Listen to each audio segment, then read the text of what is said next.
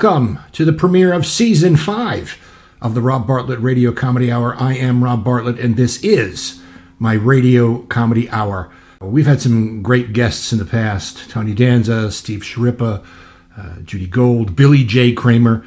But tonight is a very, very special night because tonight we are devoting the entire program to my interview with my favorite guitar player in the whole wide world and one of my dearest friends, frontman for Cheap Trick, guitar hero, Mr. Rick Nielsen. You know, they say you should never meet your heroes, but I unbelievably got to meet one of mine almost 15 years ago. I went to see Cheap Trick at the Borgata. Took my son Devin. Whenever I go to a Cheap Trick concert, I choose one or two of my my offspring to accompany me. Because you got to raise the kids on the classics, obviously. Great show, and about to do their encore, and Rick spots me in the audience and introduces me which blew my mind. I had no idea he knew who I was. Apparently, he and the guys in the band used to watch Imus in the morning on MSNBC. So after they do surrender, he waves to me to come up on stage. So I go backstage and, and they're waiting for me there and all kinds of hellos. And they go back out to do the encore.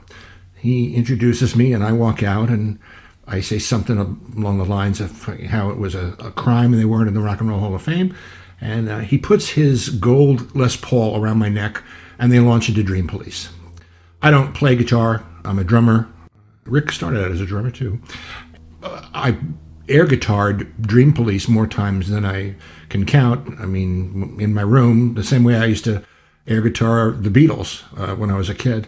And they got to the middle part of the song where there's that little rap. I try to sleep, they're wide awake, they won't let me alone, they don't get paid to take vacations, they'll let me alone. And so Rick kind of does one of these, um, take it away. And so I did it, note for note, because of course I do the song. The band went crazy. They were all laughing. And ever since then, we've been friends. I actually got to recreate that moment that same year with the band when they were on the Imus in the Morning program. I got to do Dream Police, uh, recreate that moment as my Bill Clinton character. And I'm going to tack that onto the end of, of this interview because it's still one of the favorite things I've ever done on the show. You know, life always seems much better when you're on the way to see Cheap Trick in concert because they just put on the greatest show. Uh, I've never once seen them go through the motions. Every time it's like the first time. They always give you the sense that when they're on stage, they're having the time of their life and they're exactly where they they want to be, rather there than anywhere else in the world. Uh, I've seen them a lot. I mean, not as many times as you know Adam Balaban or Xander Gal Alley, but uh, whenever I've gone to see him and go backstage to visit, the whole band are just the most warm and inviting and welcoming guys. Um, just great people, and we always have a lot of laughs, and there's always some great stories. And so I'm going to kind of share with you what it's kind of like to hang out with Rick. He does have some great stories. You're going to hear about how he's played on stage with everybody from Slash to Billy Corgan to Les Paul to uh, John Lennon. Rick was actually on one of the recording sessions for the Double Fantasy album. He uh, also talks about how he came up with Surrender, talks about his famous guitar collection, the song that made him want, want to be a musician, uh, how he and the band wound up doing three sold out shows at the Hollywood Bowl and uh, two separate residencies in Las Vegas doing the Sgt. Pepper album live, which was supposed to be an impossibility. He's going to talk about working with George Martin, who produced one of the Cheap Trick albums. He's going to talk about his new musical project, the Nielsen Trust, and uh, the band's latest single, uh, Rebel Rebel, a cover of the David Bowie song. So, without any further ado, here is Rock and Roll Hall of Fame member, uh, inventor of the five neck guitar, inventor of the album show, and the man who has provided the world with the number 10 best pizza in the United States. Please welcome Mr. Richard Allen Nielsen, Rick Nielsen. Hey, Cheap Trick. I can't believe it. I'm hanging out with you again. Oh, I thought you were trying to upgrade your uh, your circle of friends here. That's a slow day, you know. so I, I guess that to start off, we should talk about what you've been doing in this in this crazy quarantine. Like, Have you been able to use any of this time to write or record or? Yeah, I've been writing a little bit, but this is it's not exactly an inspiring time. yeah, Um, for sure. but I haven't. You know, it's like I've done a few things. Uh, as she played one show did uh, with TNT, the Nielsen Trust, Uh huh. and uh, that was fun. And actually, I've got another Zoom interview coming up right after this. And I went to the dentist today. How about that? Well, you're keeping busy Yeah. and tempting fate. It sounds like. Tell everybody about the, the the Nielsen Trust. This is like a really cool idea. Uh, Well, uh, um, I didn't even know what month it is. I think it was in March. Robin Zander, the, one of the world's greatest singers, was uh, going to be doing some shows with Alice Cooper in Europe. I think they had an orchestra or something. I'm, I'm not exactly sure what it was, Uh-huh. but he was going to be, be gone for a month. So Cheap Trick never has any time off, and it was an opportunity to go out and play. You know, when have Rick Nielsen, Daxx Nielsen, Miles Nielsen, Kelly Stewart, who is Miles's wife. We're all kind of you know out of work musicians, and so uh, we got together and uh, we rehearsed a number of times. Had it set up. We had about 17 shows, and most of them were doing really well. Some of them were sold out. And we did two shows up in um, Wisconsin Dells, a place called Monks. Sold out crowds, you know, two and a half hour show each night. wow. And then, bada boom, the COVID came and stole our love away. Ugh. So then, okay, now what do we do? There's nothing you can do. And it was like a ghost town, not the song. Nobody was out, nobody's doing anything. A couple months later, everybody's running around like crazy people. It's like I self quarantined myself. Uh, my wife, Karen, was out in, in Arizona for the family vacation, which turned into six months for her being out there. oh, oh So God. it was perfect. so, what kind of stuff does the Nielsen Trust do? the whole long show, it included songs that Miles and Kelly wrote. They did with their band, Miles Nielsen and the, the Rusted Hearts. And then, and then they got the real Rust, and they got me in the band. And it's like some of the songs, some of the deep cuts, that uh, songs that I wrote mainly uh, for Cheap Trick. Like which ones? Well, the world's greatest lover. We don't do that with Cheap Trick too often. I think we did surrender. Or no, actually, when we did surrender, it was uh, Miles and Kelly did it acoustically. Uh, Karen hooked me up with that. She sent me a copy of Miles's cover of Surrender, and he does it acoustically like a ballad, and it's it's amazing how it works that way. You know, Yeah. it almost takes on another meaning. You know, Yeah, well, we did a show a couple weeks ago out at a baseball stadium. We opened up for uh, Blackberry Smoke, and although we'd rehearsed, we hadn't gone through Surrender, so we came up to do Surrender. And uh, here's Miles and Kelly. They're singing. It's really great. And my good buddy Charlie Starr from Blackberry Smoke, he's over on the side watching. It's like, I, and I'm looking over. What? When do I come in? When do I? Come? they, they finished the song. Oh, I just left. it was fun. Mother told me, yeah, she told me how me girls like you. She also told me, stay away, you'll never know what you'll catch. And just the other day, I heard some soldiers falling off. Some Indonesian junk is going round. Mommy's alright, daddy's alright. They just seem a little weird. Surrender, surrender. Don't give yourself away.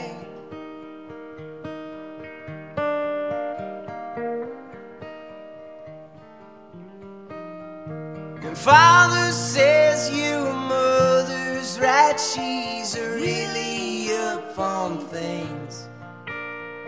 Before we married, mommy served in the WACs in the Philippines.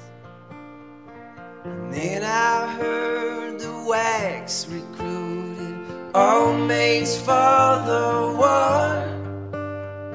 But mommy isn't I've known her all these years. Mommy's alright, daddy's alright. They just seem a little weird. Surrender, surrender. Don't give yourself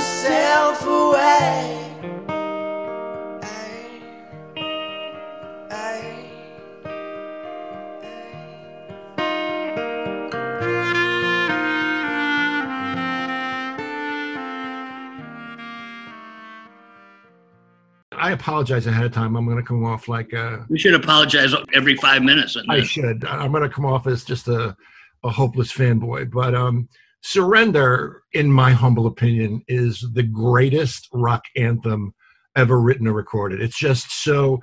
I defy anyone to not stand and pump the fist during Surrender. re up your meds, would you?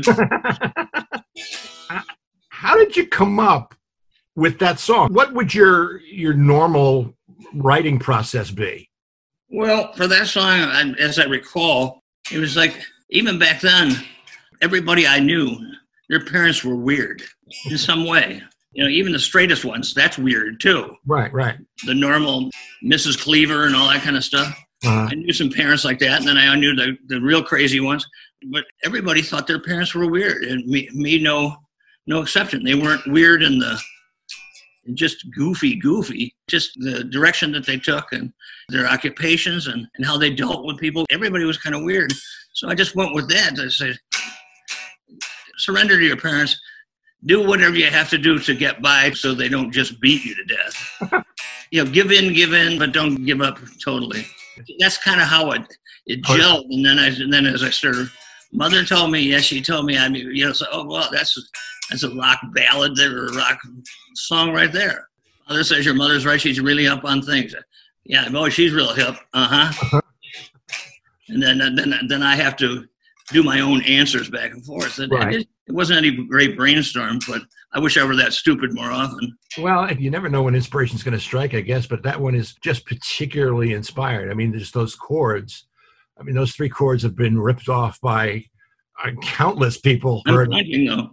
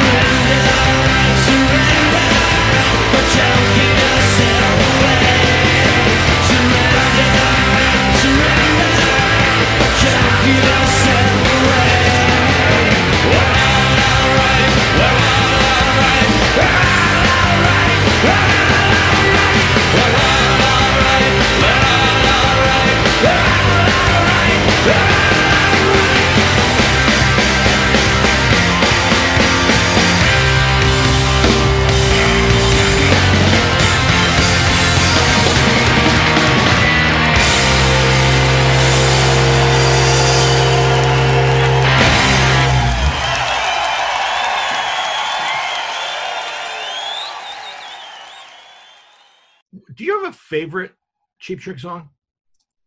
Uh,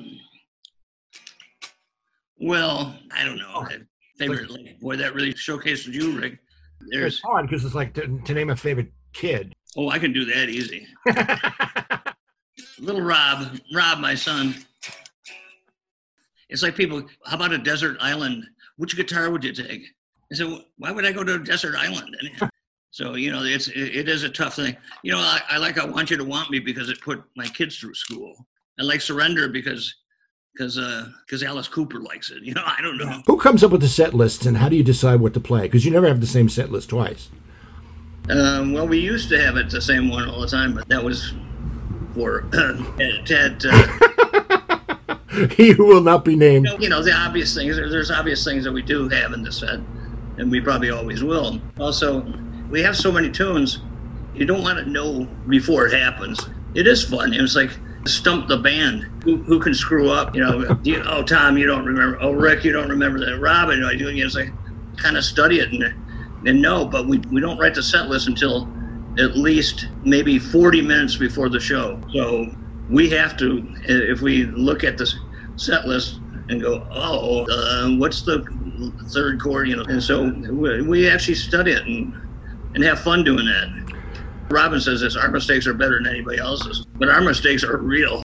It's amazing to me after like 47 years. How do you get that spirit on stage? How do you make it seem as though it's like, you know, the best Well, time? every, If, every show is the most important show you ever do. It's like you're not there because you're well. In your case, you are good looking, but you know, it's not, we're not there because we're good looking. You know, it's like we we go out there and it's like every show is like this is the one. This is the one where you're going to get discovered, or you don't want to be uh, discovered to be like it's all been a hoax. But you got to be on the case, on your game. the way you run around on stage and, and jump up on the risers and, and how many picks you flick into the audience on a given show, how did that start, the throwing the picks into the audience? Well, I- I- there's a couple stories. So for the first couple of years, when I was throwing picks out, uh, first two years, people thought my name was Fender. But then after now, I, I order sixty thousand at a time, 60,000? thousand at a time, and I've never sold a pick.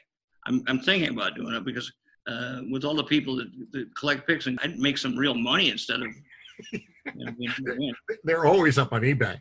Yeah, and you know, I've never sold any, and I never. I think I actually bought some. I bought some of our the cheap trick poker chips from the Hard Rock.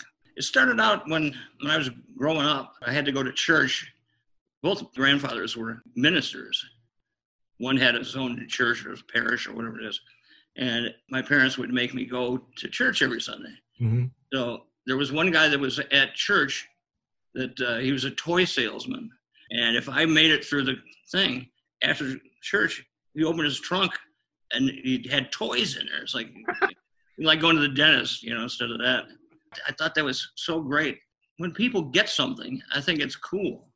I played it up, of course, to be ordering 60,000 and they're- not cheap. It just appealed to me that instead of a business card, you know, I actually have some business cards from Peace. I handed to people. I said, "There's no number for you to call me." So I didn't name on it, but but I just always like to think the gesture of getting something.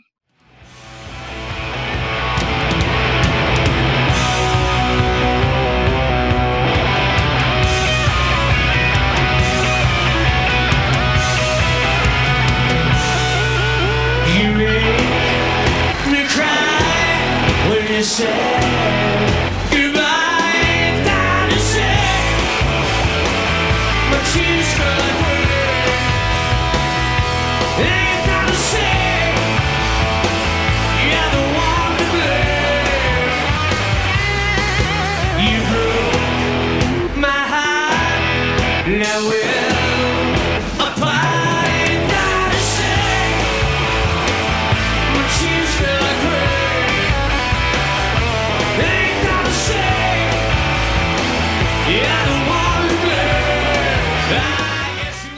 We played in Salt Lake City. Fats's Fats Cool. Domino manager came to our show. Back then, when they got a gold record, it was one of the artists and one for the producer. And so they only had the two, obviously. He brought that and he said, Fats loves your version so much, he wants you to have this. So I still don't know if it's his or if it's the manager one because he liked our version, you know, because we sold a bunch of a lot of nice publishing money. I gotta say it, uh, it it is a great version, and uh, I especially love the little nod to "Please Please Me" in it that uh, you, you pull. out. And, and, and, and I love that. I mean, it's it's one of those things where I, I my ears perked up. I was Am I the only one to notice that? Can you hear it?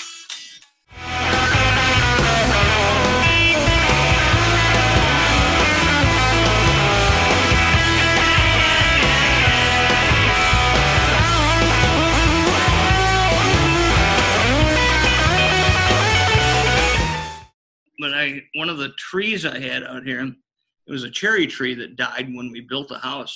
Ugh. So it was about a hundred foot tall. So I, I had it uh, cut and kiln dried and sawed, and then I set, left it in a in a barn for about almost eight or ten years, and then I sent it to Fender, and they made me a Cherry Deluxe amp. Every knob it says volume, no treble, no you know, all volume. There's you know eight, 15 of those across the front, and I got a Fender Esquire made out of it. And on the 12th fret, I had him do G Washington. Yeah. See, that's That was and and the rest of it I took and I built a, a bar and and booths and stuff in my basement.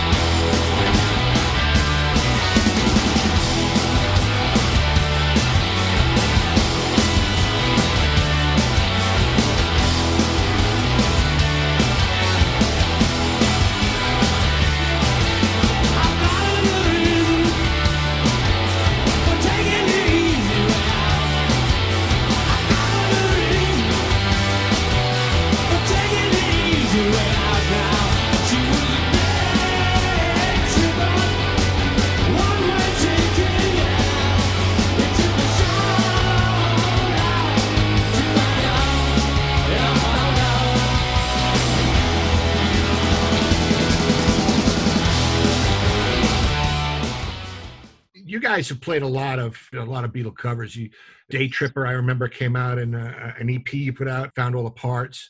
You've done Magical Mystery Tour. That was a, I guess, a bonus on the Greatest Hits album, and then uh, you Well, know- that was for Michael Jackson, the Mystery Tour. The- oh really? I didn't know that. Yeah, Michael Jackson asked us to do. It was for an animation of some sort, and we, we do it, and we did it, did our version of it. But then he didn't want to release it. We sat around on it for a long time, and we said, "Yeah, screw it, we'll just release it. We'd get sued if we did. Sued a bunch of st- times, so we didn't care. We wanted to get our music out. That's when it came out.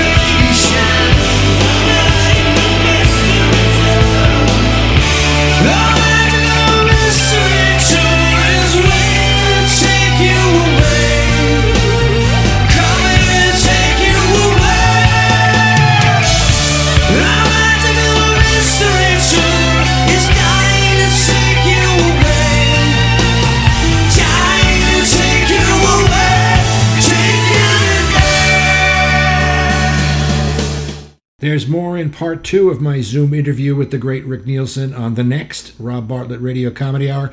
If you'd like to see a somewhat unedited video version of the entire conversation, which includes a plethora, uh, it's a big Dick Cavett word, a plethora of amazing stills and video clips, some of them uh, actually from Rick's personal collection. Uh, you can find that on the Rob Bartlett Radio Comedy Hour YouTube channel. It's a much more in depth version of our interview, an entirely different experience.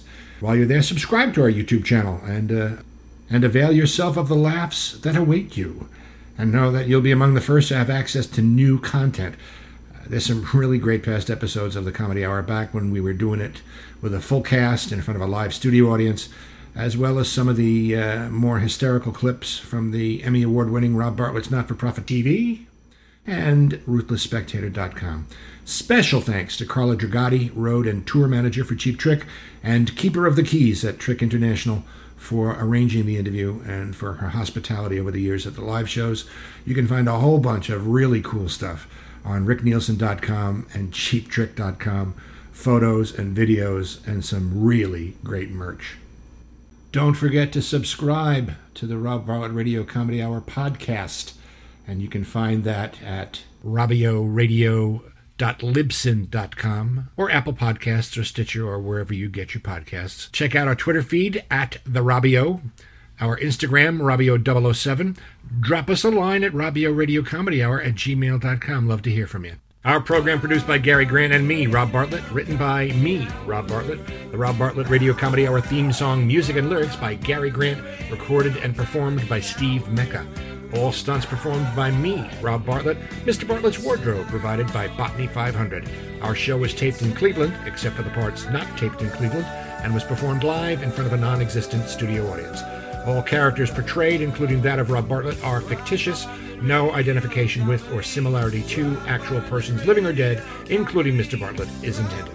No animals were harmed in the recording of this podcast. We'll see you again on the next Rob Bartlett Radio Comedy Hour.